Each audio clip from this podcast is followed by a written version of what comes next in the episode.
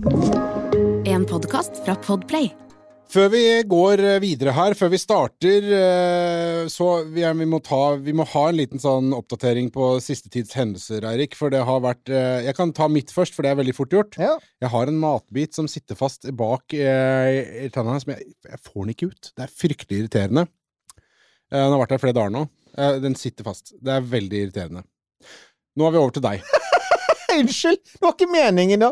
Ja, nei, det har litt uh, Det har vært mye covid i familien og slike ting, Ja. som det jo selvfølgelig er i disse tider. Uh, men først og fremst Føler ikke hører så mye om det lenger, og det er deilig, kjenner jeg. Men Ja, altså, jeg ja, nei, det skal du være glad for. Det, dessverre, det. omikron gjør jo rundene. Ja. Så Men ellers er det jo um, Altså, vi hadde jo i forrige episode, så vi jo, var vi jo innom med, med Koroljov. Ja. Så vi om så, så nevnte jeg den der kjente historien om, om uh, anekdoten om da det ble sendt en masse katter til Baikonur for å redde det russiske romprogrammet fordi det hadde vært flom, og det kom jordrotter opp. ja, stemmer. Og speaking of katter og flom altså, Jeg vet ikke om det var pga. denne episoden, jeg er jo ikke et overtroisk menneske, men altså, bare noen dager etter at vi tok opp den episoden, så blir jeg vekket av katta klokka fem om morgenen. Og det hender jo katta kommer inn og skal vekke meg klokka fem om morgenen, og stort sett bare snur jeg meg, for det, det er sånn man gjør med katter.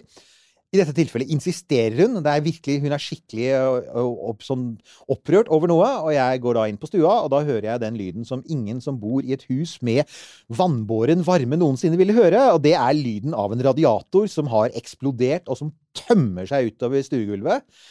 Eh, og det er liksom bare hive seg rundt, få opp kona, eh, få tak Dette var lørdag morgen, få tak i 24-timersvakt. Og heldigvis, det takk til deg hvis du Det er rørleggere som hører på oss, det vet Ja, vi jo. ja. Ja. Så hvis du er en av våre lyttere, jeg husker ikke navnet ditt, men du redda oss jo. eh, og, fått, og ble vekket han. Han hadde jo sovende nattevakt. Han kom, nå, kom jo da, selvfølgelig. Og vi greide endelig å da få, få skrudd på stoppkrana, for i vårt borettslag er det så viselig eh, innrettet at den stoppkrana som stopper akkurat denne her, Ja. er inni en bod som har lås. ja! Og, og her er saken. Altså, jeg vet ikke åssen det er med dere som hører på, men jeg er ingen god innbruddstyv. Men Nei. sammen med rørleggeren så klarte vi å bryte oss inn. Ja, ja, ja, ja, Så vi bra, bryter oss, Ja. så det er sånn, sånn ti over fem om natta, så står man og bryter seg inn i kjelleren og får endelig stoppet vannet.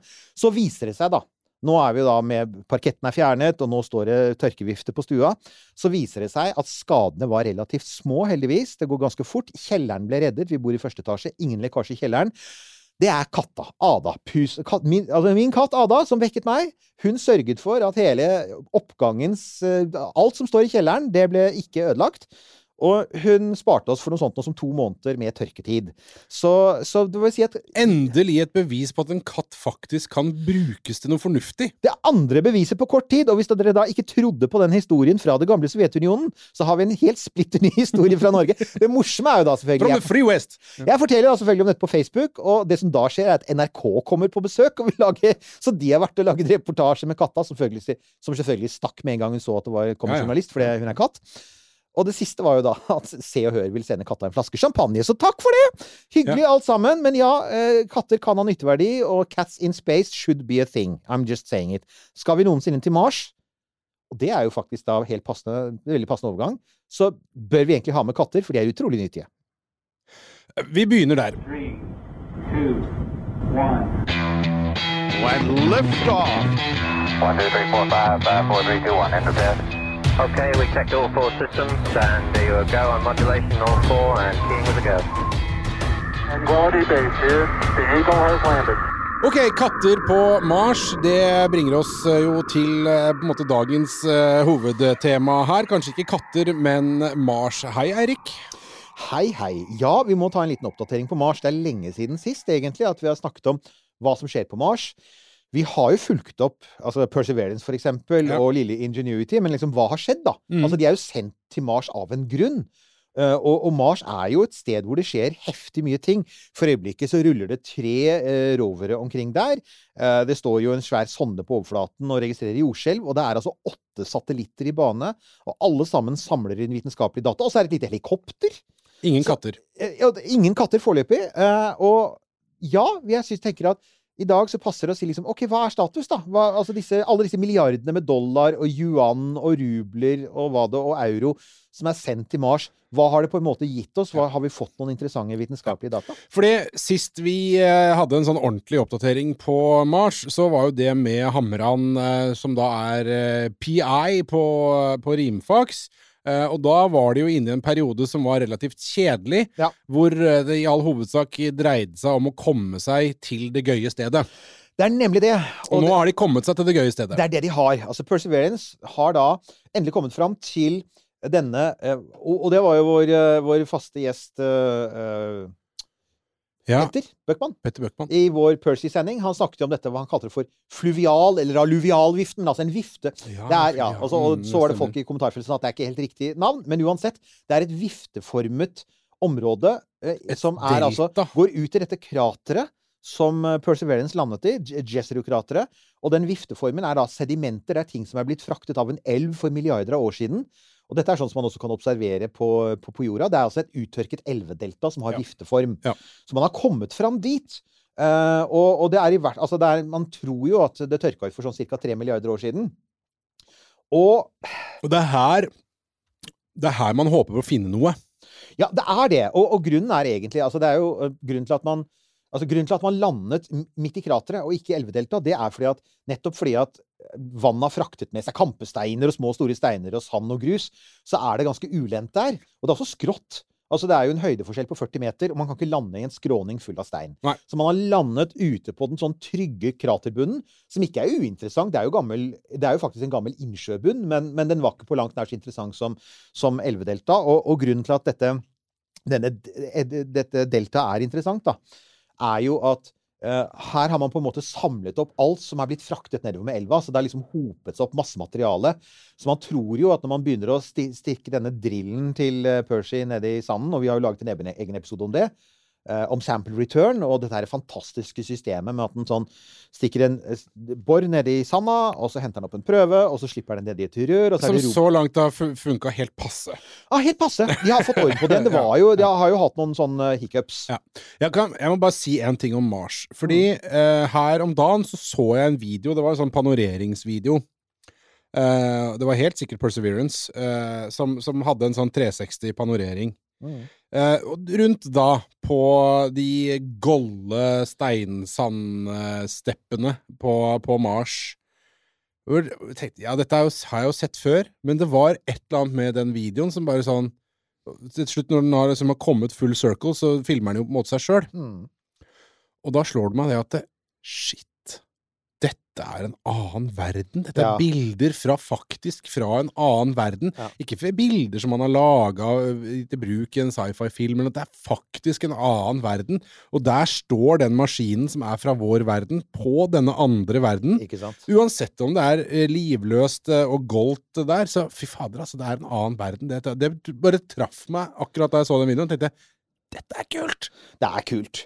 Og det de sier, det forskerne sier, er at altså, nå blir det jo også forskningsmessig mye kulere. fordi uh, igjen, altså eh, vi, vi har jo hatt Curiosity og Spirit Opportunity som har rulla rundt på Mars i mange mange, mange, mange år. Helt siden starten på dette århundret. Uh, så, så man har jo undersøkt sånne flate kraterbunner.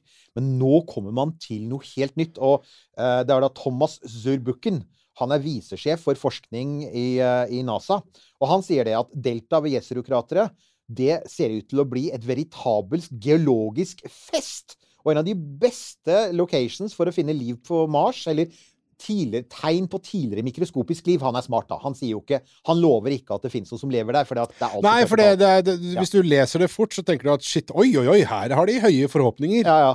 Men det er fossilt mikroskopisk liv. Ja. Men igjen da, så er det det han tenker at, at hvis, det, hvis, hvis, man skal, hvis man skal ha sjans for å finne fossile mikrober, så er dette oppsamlingsdeltaet i denne elva som rant der over ganske lang tid, og som da renner ut i en innsjø, det er et smart sted. Hvis man skulle lete etter Altså hvis man ville starte å lete etter liv på jorda, så ville altså også det antagelig være et smart sted å starte. Nå vil man jo finne det overalt, men hvis det var lite liv på jorda. Så det er jo den, det som er tanken, da. Og de har jo da kalt det for De har, de har jo litt, litt sånn kult navn. Litt sånn Du får litt sånn krigsvibelser. Det er The Delta Front Campaign. Ja, det, i, det, I det du sier det, i det jeg leste det, så husker jeg at, eh, at eh, jeg hører Hamran si 'campaign'. Uh, fordi alle disse her små operasjonene og tinga som denne roveren skal gjøre, heter et eller annet campaign. Og, og det er jo på en måte ikke så rart, for at det er et stort team på jorda som har en robot på Mars, og alt den roboten skal gjøre, hvert sekund på Mars, er jo da egentlig planlagt. Eh, og, så det er jo nesten som en sånn liten militærkampanje.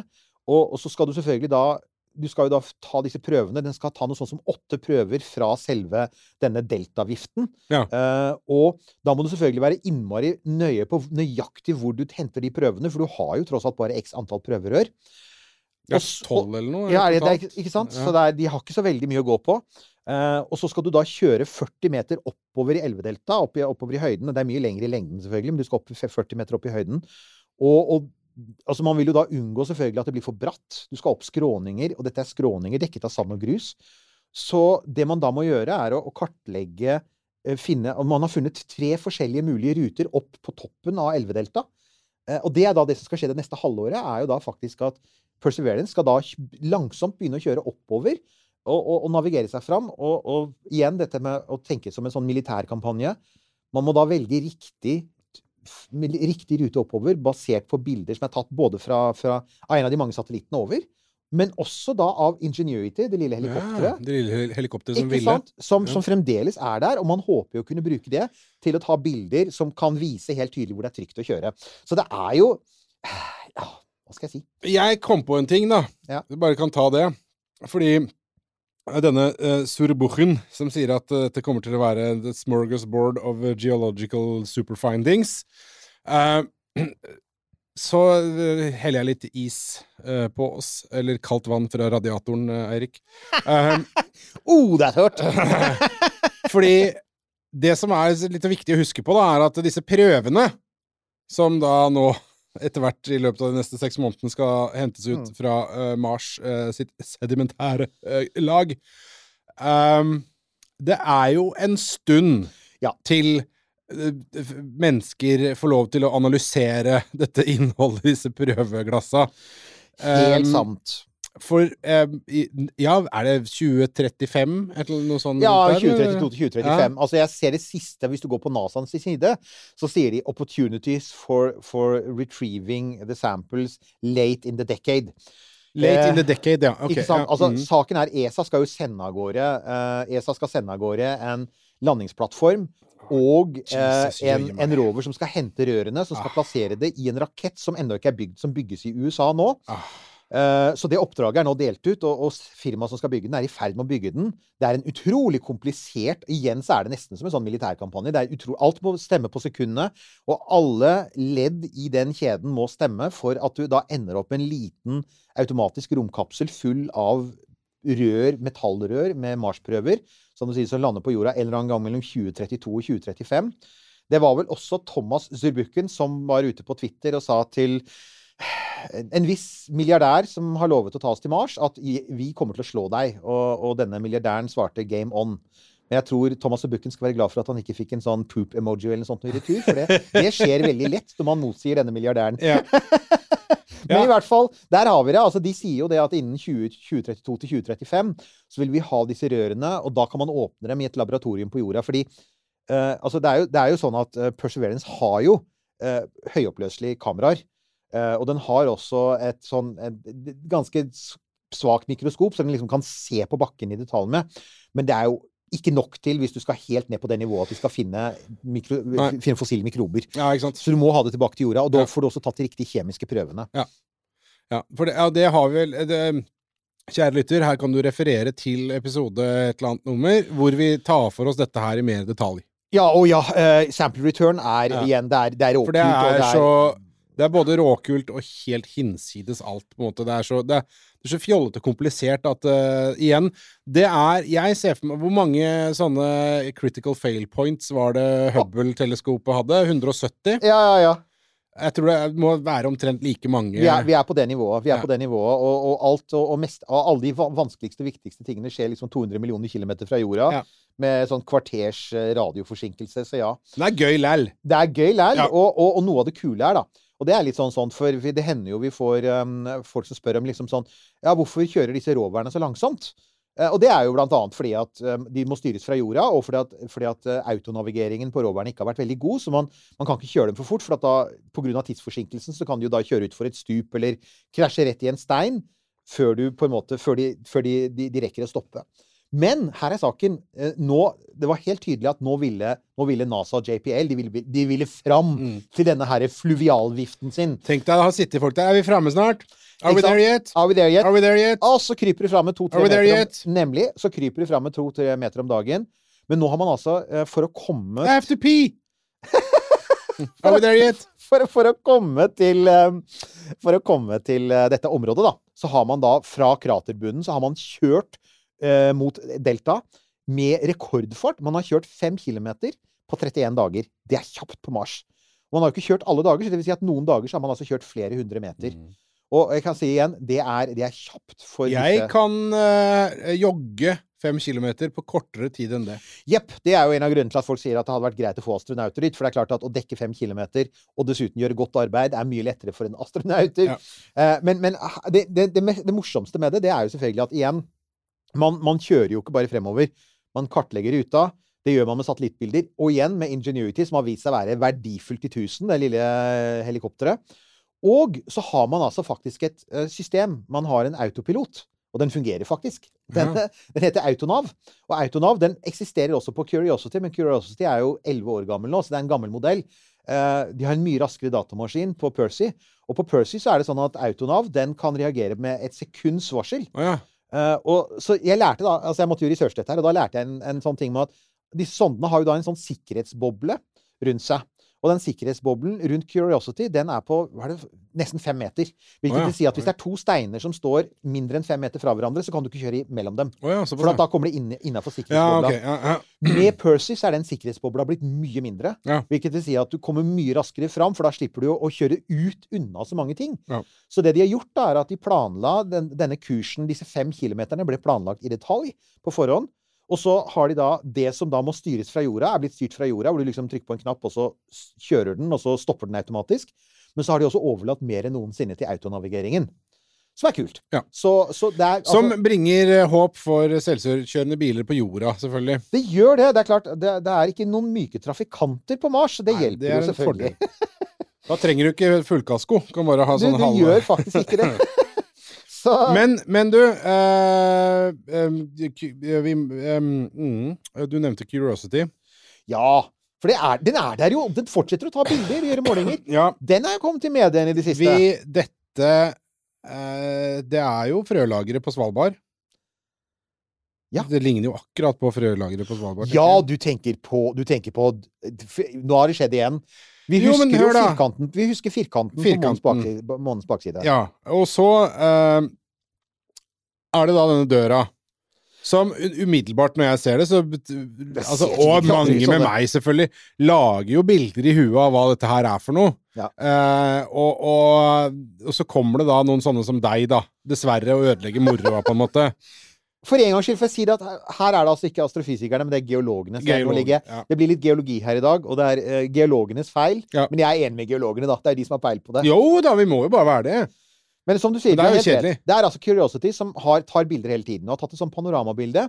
Og et stykke unna på et av panoramabildene, hvis du zoomer inn, så ser du noe som helt klart ser ut som en, en dør som går inn i et fjell. Ja. Og det er rette vinkler, det er en klar vegg, og så er det en, en, en sånn øvre dørkarm, og så er det litt sånn mer utydelig på høyresiden, men på venstresiden er det, ser det Det er veldig rett. det er veldig, veldig rett. Og, og det, det har jo da selvfølgelig fått folk til å si ja, men se her, det var det vi sa. Uh, med ansiktet på Mars var sant. Det Mhm. ble jo debunka. Og alle disse andre landsbyene på Mars. Det fins jo masse sånne steder som folk påstår at de har sett. Og noen har påstått å ha sett en liten figur på Mars. Og... Ja, da var Elvis lever og alt det der. Så altså Nei, greia er jo at, at uh, det er jo alltid fascinerende. Uh, og vi mennesker, vi liker jo Altså, vi liker jo å se mønstre i, i steiner og fjell. Det, nå, nå husker jeg jo ikke hva nå husker ikke jeg hva ordet for det er, men det fins et eget ord for den der vår egen evne til å si sånn Å ja, det fjellet ser ut som en nese. eller dette fjellet ser ut som kjønnsorganet til et troll, for å si sånn. Ikke sant? Som Mm. Ja, du tenker på trollpikken, da. Jeg gjorde, jeg gjorde det. Ja, og, og, ja. og, jeg tenkte at ikke Men det er klart vi er ikke på YouTube, nei, så du kan jo faktisk si Ja, sånne ting her uten at det blir blipet bort. Men uansett, jeg tenkte, tenkte jo på den.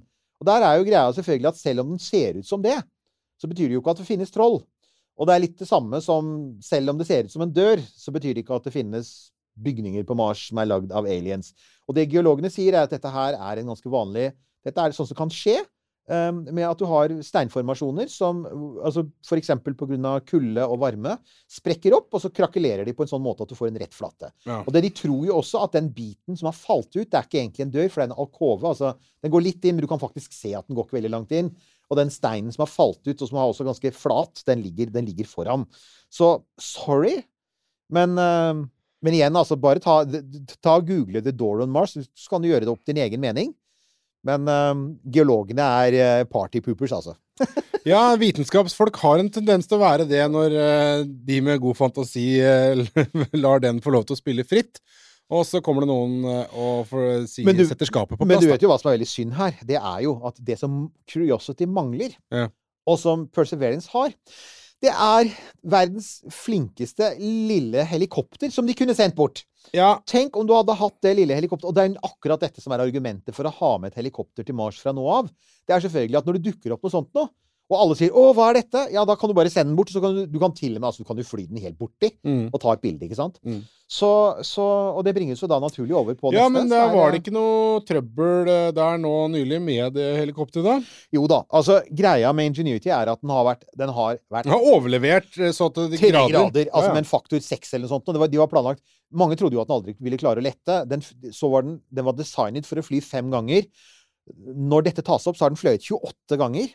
Eh, og det som nå skjer, er nummer én Det begynner å bli vinter på det stedet hvor eh, Percy og Ingenuity står. Det vil si at, at um, for, for Perseverance betyr det ikke noe, for den er kjernekraftdrevet. igjen. Ja, Eh, men Ingenuity har, er, lades faktisk opp av små solcellepaneler som sitter på toppen.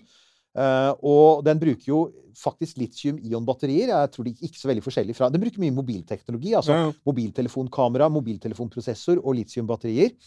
Eh, og, og fungerer jo da ved at den står i sola og lades opp, og så kommuniserer den bort til Percy når den skal sende sin, bildene sine tilbake til jorda. Så den kan ikke være for langt fra Percy når den skal gjøre det. Og problemet er det som alltid skjer med solceller på Mars, det samler seg støv. Mm. Og, og så håper man jo, hvis man er på rette stedet på Mars, så kan du få sånne små sånne, um, små tornadoer. Ja, sant? ja, ja. ja. Og det vet vi at, at Spirit Opportunity ble jo reddet av det ved at de var, i om, de var i områder hvor det faktisk med jevne mellomrom så kommer sånne skypumper forbi. Men de, akkurat som ikke det er så vanlig altså, du har jo I USA så har du sånn Tornado Alley. ikke sant? Du har områder med mye av det. Der vil du ikke bo. Nemlig. Ja. Der, det, nemlig. Der er, der er husforsikringene høye. Ja. Um, og det er samme på Mars. Du har noen steder hvor det er mye tornadoer, og du har, no, du har steder hvor det er lite. Det kommer vi tilbake til eh, veldig snart.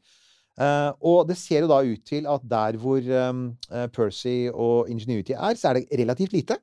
Og derfor så har ikke man har altså ikke fått blåst vekk støvet av toppen av uh, dette lille helikopteret. Så gradvis så blir solcellene dekket til, og det blir vanskeligere og vanskeligere å lade opp nok strøm. Og det var faktisk så lite lading på batteriet her forleden at uh, den, altså den gikk i sånn safe mode Oh, ja. og skrudde seg av. ja, Og da får den et problem, fordi at igjen, dette er ganske, basert på ganske enkel mobilteknologi. Eh, og da blir blant annet eh, klokka om bord i Ingenuity blir nullstilt. Eh, og, for, altså, og Ingenuity og Perseverance må kommunisere hverandre på faste tidspunkter. Og det er fordi at disse dataene skal sendes via en satellitt som passerer over det. Apropos komplisert. Det er jo så imponerende. ja. Problemet er selvfølgelig når Ingenuity da våknet igjen, for det gjorde den jo. Ja. Så, sier han, så, så er jo da klokka 000000, og så er datoen liksom sånn 1.1.1971, ikke sant? Ja, Så det er sånn. ja, ja. Og, og, da er det, og, og da prøver den da, da bare prøver den å sende den, prøver, den, den går da i en sånn modus hvor den prøver å sende etter et visst antall minutter. Så prøver den å sende. Men da veit ikke Percy når den skal ta imot, sånn at de er ikke synkronisert. Så hva gjorde man? Så viktig er Ingenuity. Man satte all forskning på Perseverance på hold en hel dag, mens man ventet på at denne lille eh, Ingenuity skulle liksom komme På et eller annet tidspunkt så ville den sende noe. Ja, Og i det øyeblikk ja, de fikk signaler fra den, så kunne du synkronisere klokka ja, og starte den opp igjen. Så viktig er Ingenuity blitt. ja. Er Y, den, den, den røyker på en sånn Y2K-greie der, rett og slett. Det Altså, det, det er jo det som skjer hvis du altså, Igjen, hvis du tenker at, eh, um, at uh, altså, Hvis noe elektronisk da faktisk blir totalt nullstilt, mm. så, så skjer det jo. Da mister den jo også For at Eh, vi, i, altså, en, en typisk laptop, eksempel, vi sitter jo her med hver vår laptop, har jo innebygd Den har jo små batterier inni som holder klokka, Ja. selv når den er skrudd av. Ja. Så den slipper å synkronisere hver gang den skrus på. Det batteriet er viktig. Det batteriet kan du ikke ha i Ingenuity, for at det dør på Mars. Ja. Det er det som er litt problemet. At hvis den da faktisk går i safe mode og, og skrur seg nesten helt av, så, så mister den veldig masse data, som da må husker eh, det var sånn Du satte inn 9 volts batteri i eh, klokkeradioen for at jo, den skulle altså? fungere Oh, yeah, yeah, yeah. selv hvis liksom, det var strømbrudd. Men igjen så syns jo jeg det er litt sånn Det er litt sånn keeping it ydmykt at det er et så basalt problem som, som støv, som på en måte stopper the high-tech stuff. Jeg syns det er Det er noe litt sånn deilig med det, samtidig på som det selvfølgelig er litt dumt. Ikke sant? På en måte så er det jo det. Altså, og i dette tilfellet så har jo nå har jo NASA oppdaget at uh, lille Ingenuity, den er jo så Altså, den, den, man skal jo bruke den til å planlegge den videre ferden for Perseverance. Det man håper på, er jo faktisk at Ingenuity skal være med i hvert fall ja, i hvert fall ut denne høsten. Mm. Og da skal den fly opp og ned denne her skråningen opp til toppen av delta for å, for å ta bilder som, som kan brukes til planleggingen av ferden oppover. Men den finner jo også det, og det er jo, det er jo jeg var faktisk ikke klar over at den, den gjør jo faktisk også viktige vitenskapelige oppdagelser. Så for eksempel så hadde den da nylig funnet en, en, en liten sånn åsrygg som ikke var synlig fra, fra Perseverance, for den var for langt unna. Som da heter De kaller den da for Fortun Ridge, og det er oppkalt etter Altså, Fortun i Sogn, det er jo en kommune, eller en bygd i Sogn. Åh, ja. jeg, jeg har faktisk ikke klart å finne ut hvorfor den er oppkalt etter Fortun. Så hvis det er noen som vet det, så legg inn i kommentarfeltet vårt. Men det er jo litt kult. Og det, altså Fortun Ridge er litt spesiell, fordi det ser ut som um, det, det er noe du ser veldig mye av, f.eks. på Vestlandet. Det er at du ser sånne steinlag som ser ut som de er velta over i 90 grader. altså Istedenfor å ligge horisontalt oppå hverandre, sånn som du blir avleiret, så er de veltet over på siden og peker oppover istedenfor. Ja. Og, og det er lett å forklare på jorda, for at her har vi annet massevis av sånne svære kontinentplater. altså Jordskorpa er, den er myk, den bøyer seg, sånn at man, man har foldninger i jordskorpa. Sånn er jo ikke skorpa på Mars. Så man sliter litt med å finne en enkel forklaring på hvorfor du har en sånn åsrygg med det som ser ut til å være steinlag som peker rett oppover istedenfor å peke horisontalt. Så Fortun Ridge er da noe som uh, lille Ingenuity fant, og som det er kult. Ja, We like! ja, ja. ja. We Så, like og go Fortun. Hvis det er noen i Fortun som altså. hører på, så Ja. hvis jeg nå har sagt det helt feil, så må dere huske på at jeg er fra Oslo. jo, men du har jo vært Hvor var, var ikke du i, har vært både i Alta eller vært- Narvik, overalt, eller hvor du var Ja, nå ja, ja. nylig? Så, Veldig så få du, kommuner i Norge jeg ikke har vært i. Du har jo vært, uh, vært Og- over hele Og landet, du. likt nesten alle. Jeg skal ikke nevne de jeg ikke har likt. Nei da. Men uh, Jo, en ting til vi må bare si. Det de også har gjort, da De har jo oppgradert softwaren om bord i lille Ingenuity. Altså, jeg er jo så imponert! Det er, det, det er et helikopter på Mars Ja. som, som lades med solceller, som ikke er kobla direkte til Perseverance. Den står jo da ute på sletta langt unna. Og så kommuniserer de da med radio. Oh, til- gjør den det? Jeg Ja. trodde den landa på, På Percy. Perseverance. Nei, nei, den holder seg langt unna, for man, og det er jo fordi at man, disse svære propellene Ja, man ikke i nærheten. Ja, Så ja. det, det er jo derfor den må ha sitt eget lille eller, Ja, sitt eget ladingssystem. Så de kommuniserer jo da via radio, eh, kort, kort, altså sånn kortdistanseradio. Um, mens radio tilbake til jorda håndteres jo da av Percy, for den har de store antennene. Men, men altså, de har altså greid å oppgradere softwaren i det lille helikopteret, sånn at det da f.eks. kan fly høyere. Eh, og de, har, de skal nå, det neste de skal gjøre, er at de skal oppgradere softwaren sånn at det kan, i likhet med Perseverance, bli flinkere, flinkere til autonavigasjon. Så, så hører du Elon igjen. Altså, autopilot går an! Vi gjør det på Mars. Bare at der slipper du å forholde deg til andre trafikanter. Ja, det er akkurat det. det. som er Det det store, store og irrasjonelle mennesker.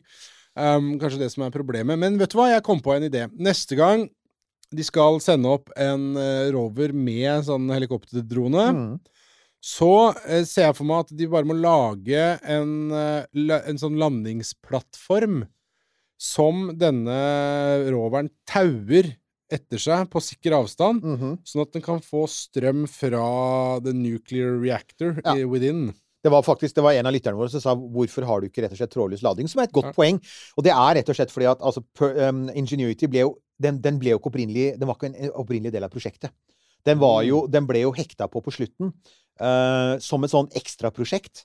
Uh, så når man skal liksom Hvis den hadde vært integrert i prosjektet fra starten av, så hadde man nok funnet en bedre løsning. Så just når du tenker på det, da, at det, det faktisk er en litt sånn sånn Dette nå setter vi oss bare ned, de smarte folka på JPL, nå, nå koker vi sammen noe basert på mobilteknologi som vi sender til Mars, så er det bare enda mer imponerende. Så let's just uh, hand it Det er noen der som har fått eh, Employee of the Month eh, noen ganger, vil jeg anta.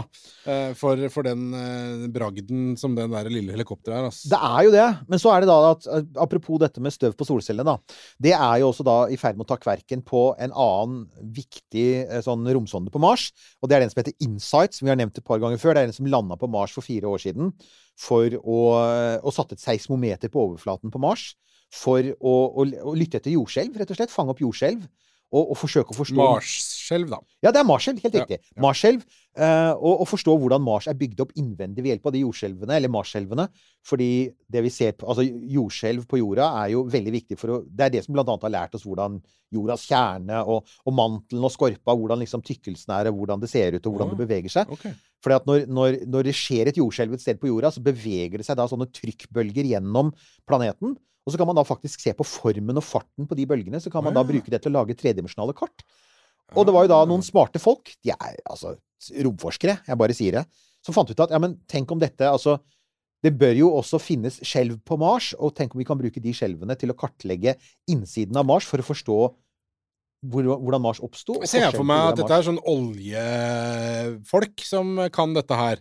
Ja, sånn altså seismikkskytere og Ikke sant. de det, det er jo faktisk noe av det samme. Det er jo noe av den samme tenkningen her. Å bruke dette som du sier Sett, send en sjokkbølge gjennom, Ja. uh, gjennom bakken, og da, og da vil du faktisk få noen signaler tilbake som du kan bruke til å lage et tredimensjonalt bilde av bakken. Så det er jo en, en veldig kul teknikk. Og, og, og her er jo saken. eh, Dette, igjen, den var utstyrt med solceller. Og det handler jo mye om at um, NASA har ikke ubegrenset med plutonium å bruke på kjernekraftverk.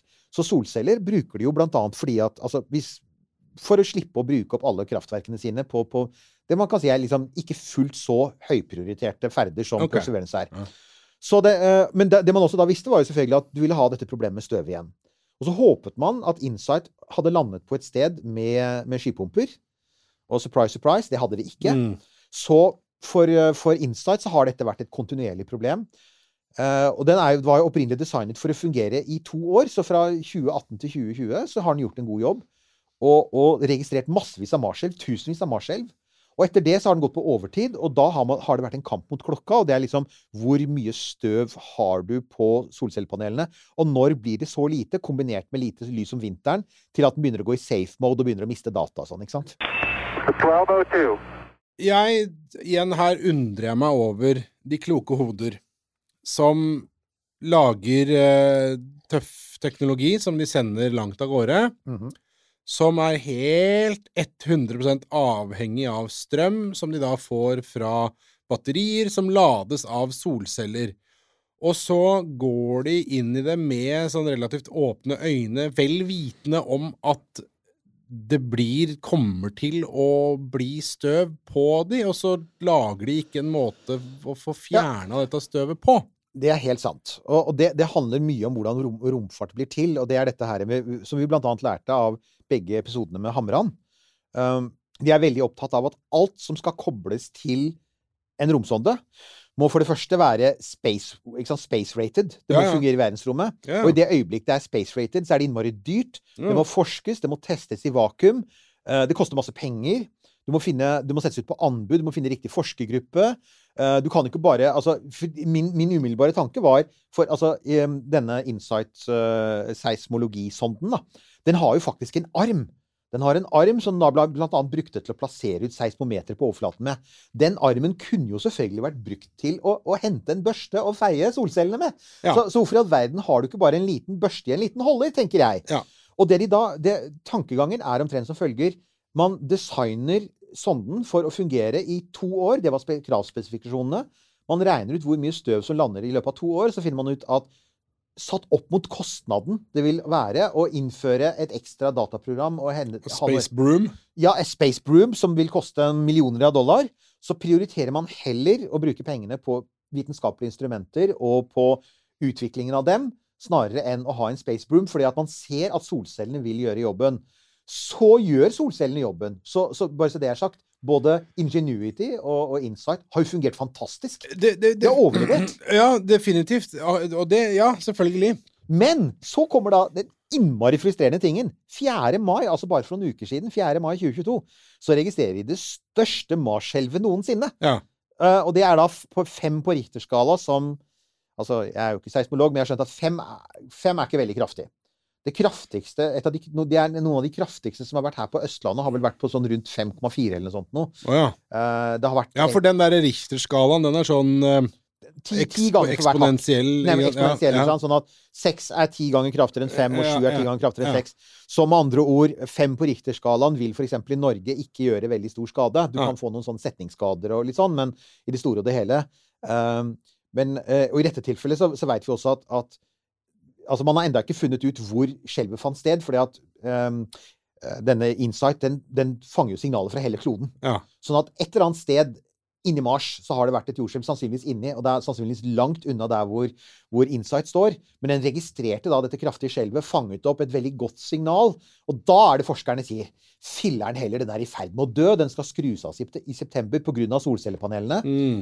Og de, og de fant faktisk en sånn liten De fant en liten fiks, da. Eh, de hadde denne, her, de hadde denne grabbespaden, eller denne armen, som også har en sånn liten spade på seg. Og så tok de spaden, og så la de De gravde marsjord. Og så drysset de mars, marsjord på solcellepanelene, som i utgangspunktet høres helt teit ut. Eh, Ja, det Men gjør det.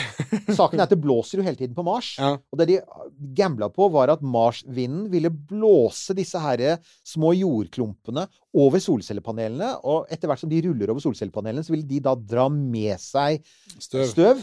Og det viste seg å fungere, så de klarte altså faktisk å forlenge levetiden med noe sånt som et år. Med den lille hacken der. Ja. Men, men, men nok en gang, da, så er det sånn ehm, Kunne ikke tatt uh, flydd Ingenuity bort, og så la den blåse av Ja, for at det er jo Ikke sant? For at den har liksom den, det, det, altså Hadde Ingenuity vært i nærheten Ja. igjen Nok et argument for å ha helikopter. Du kunne ha et helikopter over og bare sånn Det hadde jo vært helt fantastisk. Nei, så her, jeg, Det jeg tenker da, er at, at jeg skjønner hvorfor de planlegger som de gjør. De planlegger, de har budsjett for x antall måneder, og, og det er det de planlegger for. Og det stemmer. Og, og, og solcellepanelene leverer. Problemet er at nå har vi sett gang på gang på gang på Mars at Spirit og Opportunity og Curiosity og også da denne nye siste Insight og Ingenuity, det lille helikopteret, lever mye lengre. Ja, det, er- det, Alle lever mye lengre, så kanskje man må begynne å planlegge for det. det er akkurat det. Altså, det er jo, det er jo bare så lost opportunity, da. Ja. Uh, pun eh, not intended egentlig der, men altså, det er, det er Når man vet det, at man til stadighet har eh, bygd og, og konstruert ting på en sånn måte som gjør at det leverer langt utover det som er kravspekken, så burde man jo kanskje ta det med i beregninga på en så tilsynelatende banal ting som å få børsta noe støv fra noen solceller. Ja.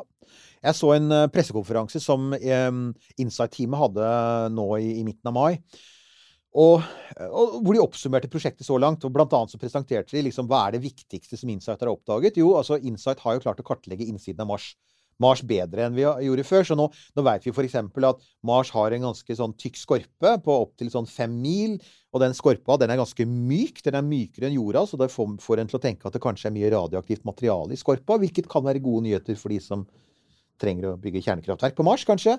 Og man vet nå også at det fins en sånn tykk mantel under, en sånn stiv kappe under, 500 km tykk, og så er det en stor kjerne som er sånn rundt 1800 km i, i radius, altså 3600 tvers over, omtrent på størrelse med månen, som er smelta. Så nå vet vi, det, det har man mistenkt lenge, men det er også grundig bekreftet av Insight.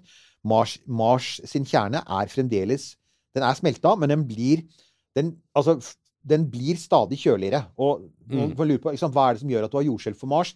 På, på jorda så har vi så skyldes jordskjelv ofte at disse her kontinentplatene gnisser mot hverandre. Det som heter platetektonikk. Ja.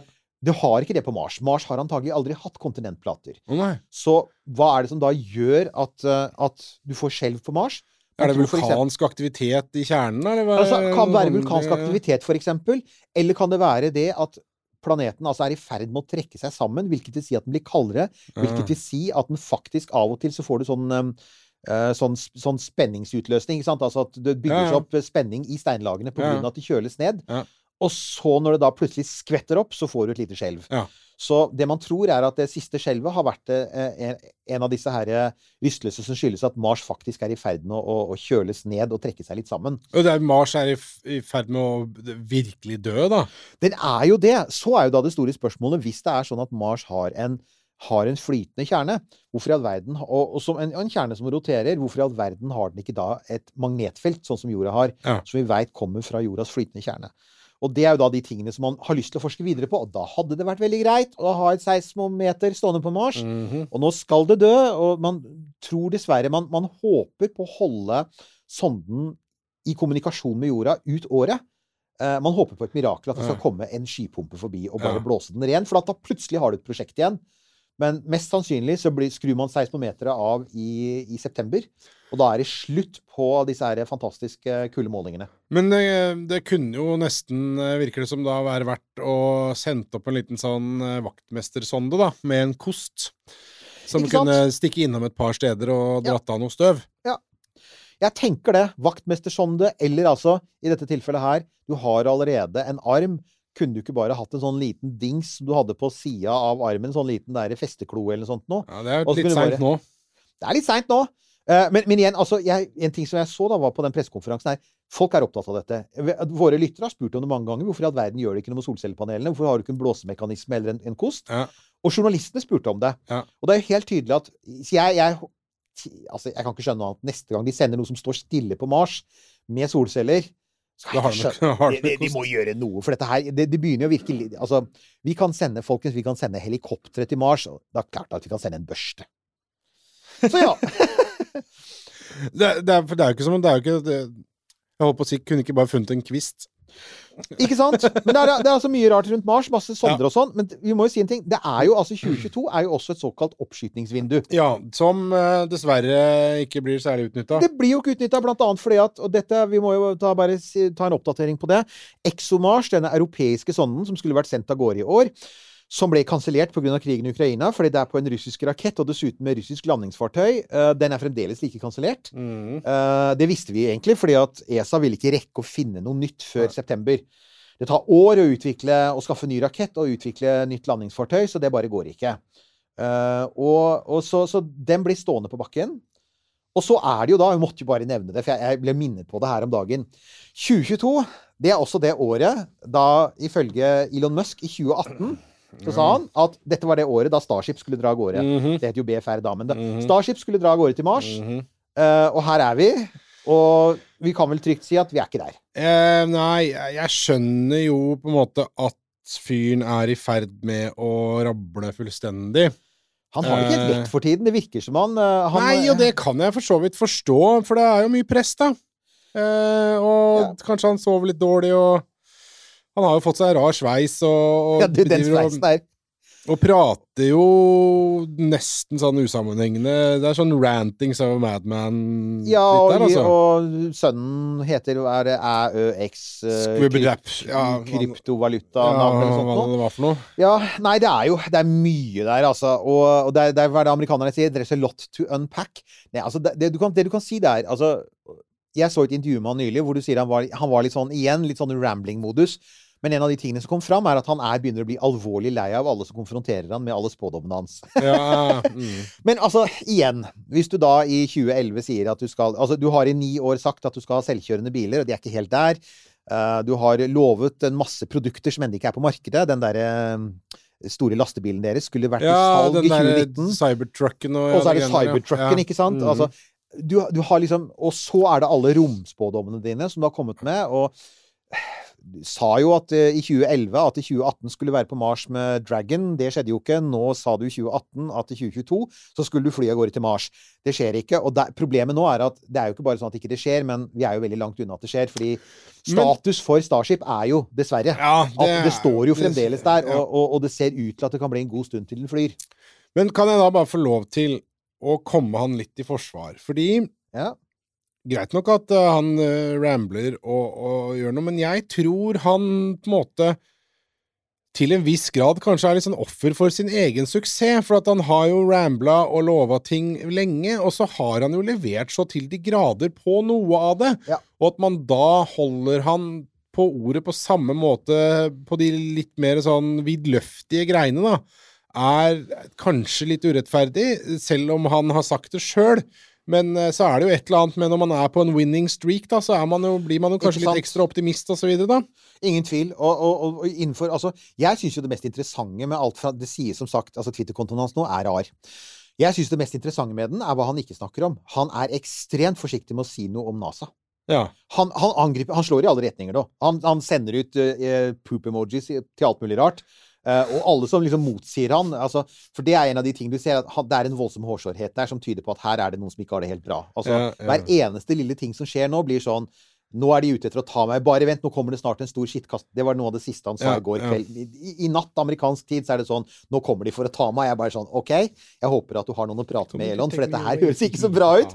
Men en av de tingene han faktisk holder unna det, er NASA. Ja. Og en av de tingene han fremdeles gir litt sånn, litt sånn passe koherente intervjuer om, det er faktisk eh, Starship og romvirksomheten. Jeg tror jo fremdeles at det er der hjertet hans ligger. Og så har det blitt altfor mye. Det er altfor mye annet det der med oppkjøpet av Twitter og, og alle de sånn politiske greiene og kranglene og alt dette, og søksmålene. Det er blitt veldig mye. Og, har, og, og, akkurat nå så får du litt sånn, dessverre en litt sånn uggen følelse av at på samme måte som Blue Origin, altså selskapet til Jeff Bezos, i årevis sleit med at Jeff ikke var på jobb. Altså Han var opptatt med å drive Amazon og var ikke til stede og ledet bedriften. For disse her milliardærromprogrammene er veldig avhengig av sjefene sine.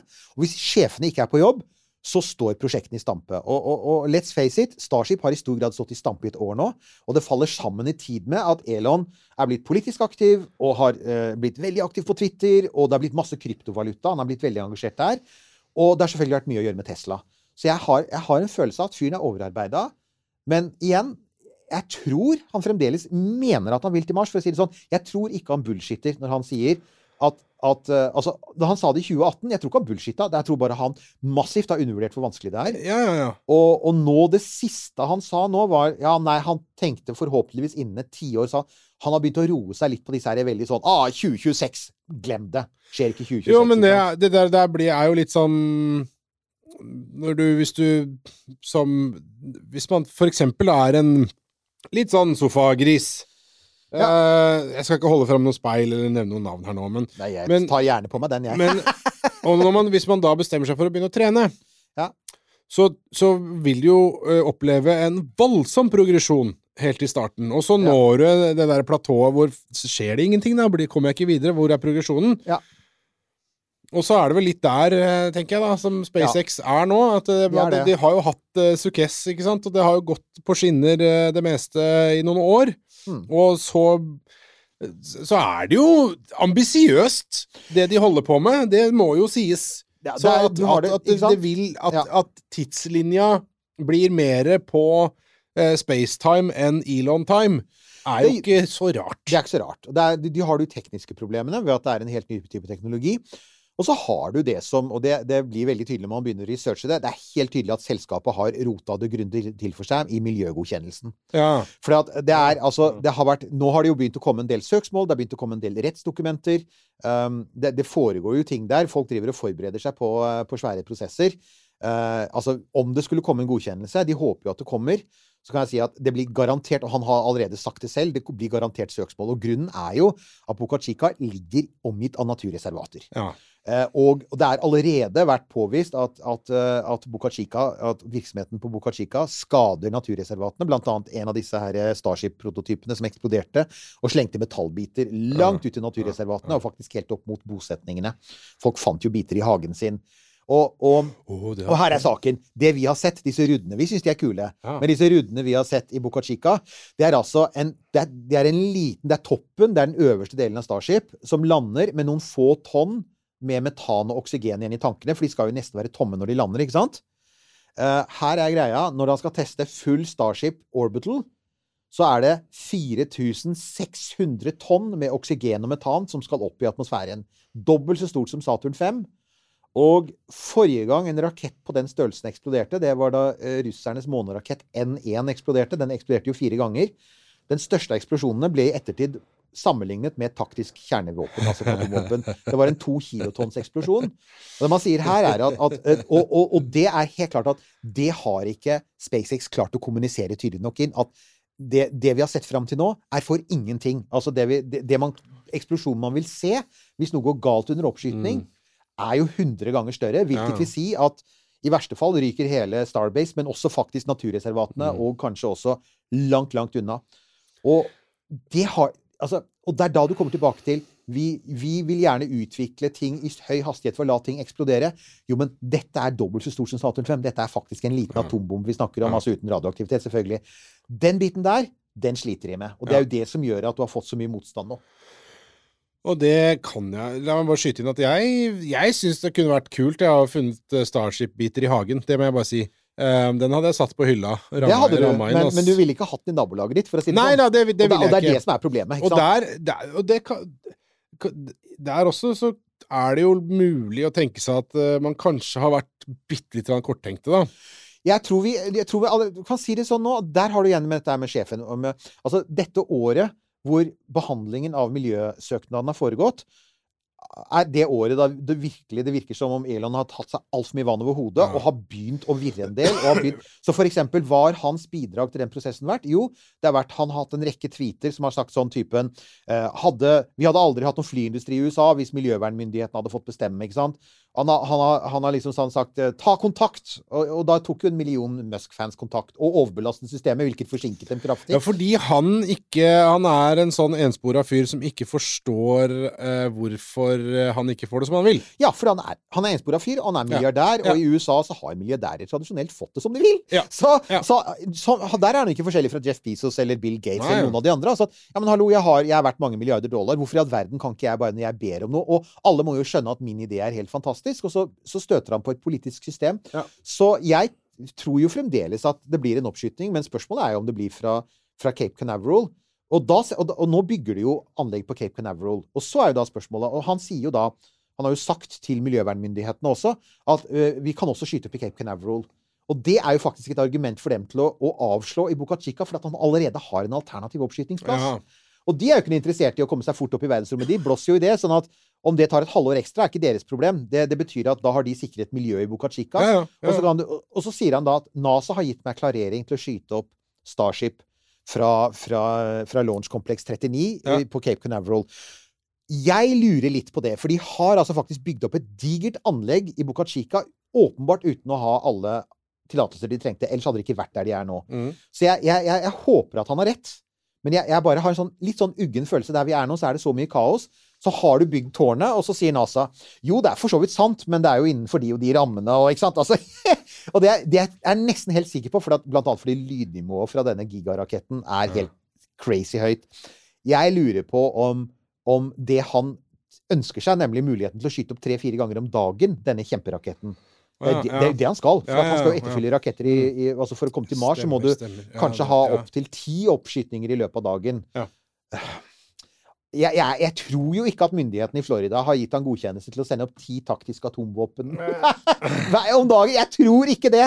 Så jeg, jeg, jeg håper jo at det går, men samtidig så tenker jeg det er noe her som jeg Det er noen problemer som har dukket opp her, som antagelig ville vært lettere å løse hvis du hadde hatt en Hvis du hadde vært på steppene i Kasakhstan ja, hvis du hadde vært på, for det første på steppene i Kasakhstan. Nummer to hadde levd i et diktatur, sånn at de ga beng uansett.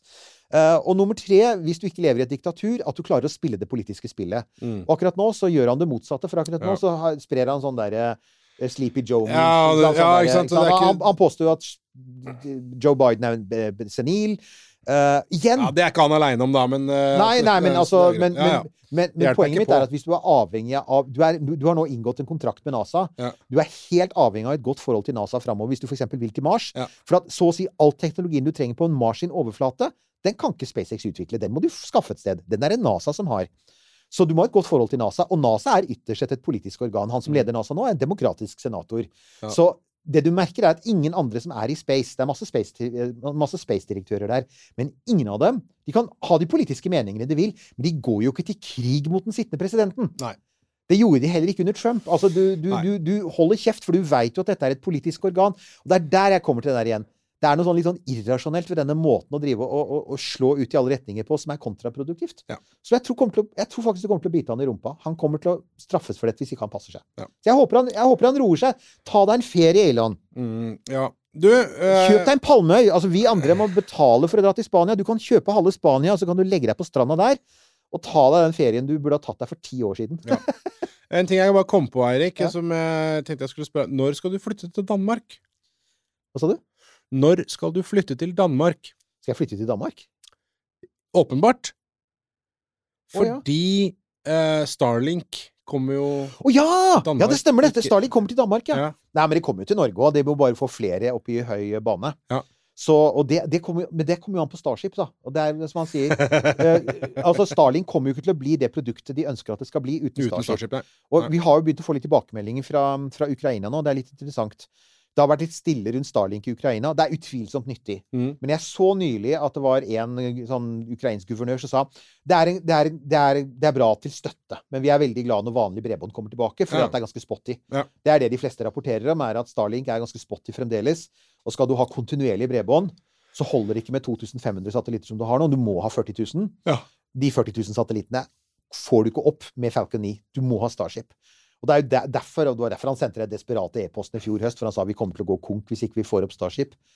Og det er derfor jeg også sier at, at, at det er jeg, jeg tenker sånn Skal man gjøre Han, han vil jo egentlig han, Det han sa, var at for at vi skal redde økonomien i Starlink-prosjektet, så må vi ha et Starship-oppskyting annenhver uke gjennom 2022. Og vi er halvveis i 2022, Oi, og vi har ja. ennå ikke hatt prøveoppskytingen.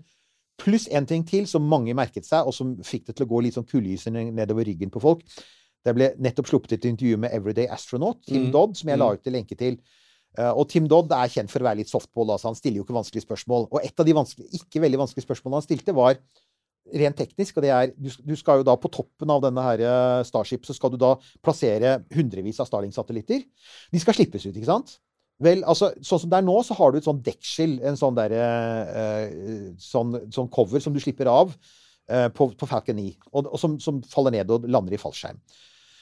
Du kan jo ikke gjøre det på Starship, for at hele Starship skal lande igjen. Ja. Og, så hvordan skal du få hundrevis av satellitter ut i raskt nok tempo? Mm. Og så har du sett, du har sett en sånn konsepttegning hvor det ser ut som hele nesa åpner seg som en sånn krokodillemunn. Ja, ja.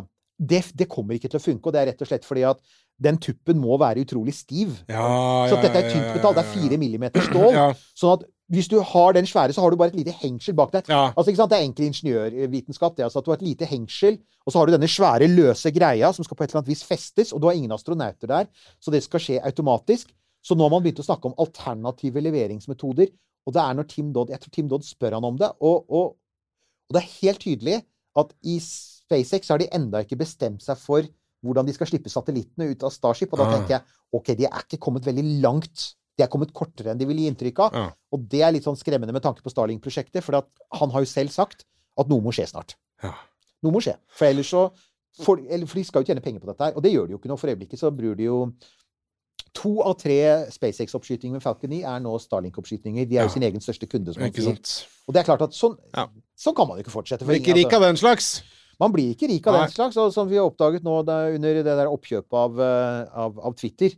Han skulle, skulle jo bruke 44 milliarder dollar på Twitter. Ja, han, han, har han har jo vært 200 milliarder dollar.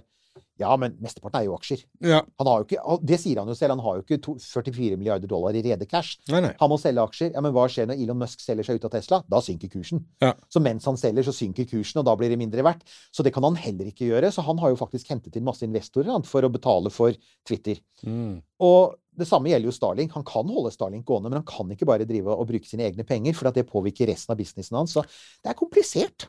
Og, og det, det blir spennende å se framover. Jeg må si det er mer usikkerhet rundt dette prosjektet nå enn det har vært på lenge. Og med de illevarslende ordene Ta deg en ferie, Elon. Få deg en ferie. Slapp litt av. For guds skyld. tar vi og bestemmer oss for å runde av denne episoden. Ah, en Ah, litt siste lille ting! Og en ting til, ja. Ja, det er én det individuell ferd til. Du, må jo Altså vi Det er har jo- en. Ja, altså vi har jo en TV-serie som vi har snakket om av og til. For Ja. All Mankind. Ja! Du, det kommer en ny sesong nå i juni. Og Ah, de skal til Mars. Ja! For at det gøy, gøy, i slutten av sesong to. Altså bare så det er sagt, For All Mankind, alternativ Vi har nevnt det før. Alternativ historie. Hva hadde skjedd hvis russerne hadde vært først på månen? Ja. Da hadde, og det de tenker seg da, er at NASA gjør alle de kule tingene de aldri gjorde fordi de kom først i månen. Ja, ja, ja, ikke sant? Og sesong to er Sesong én er liksom månelandingene og 70-tallet. Sesong to er 80-tallet under Ronald Reagan. Og Ronald Reagan var jo en mann som likte gønnerne sine, så det blir en del gønnere på månen. Ja. Den er bra. Den er bra, Verdt å se. Sesong tre er 90-tallet, og da er det, dukker det opp ser jeg også, jeg har sett traileren, og det, det, det ser ut til at det dukker opp en Elon-aktig typer der, da. Å, jeg må inn og se den traileren. Ja, du må se den. Den ligger der ute, så den må du se. Det da, ser kult ut. Da gjør jeg det, og så runder vi av Ja. for i dag. Dette har vært Romkapsel. Takk for at du hørte på, kjære lytter. Eh, som vanlig, eh, fortsett diskusjonen og legg inn dine kommentarer på det du hører her, eh, eventuelle spørsmål osv. på Facebook-sida vår.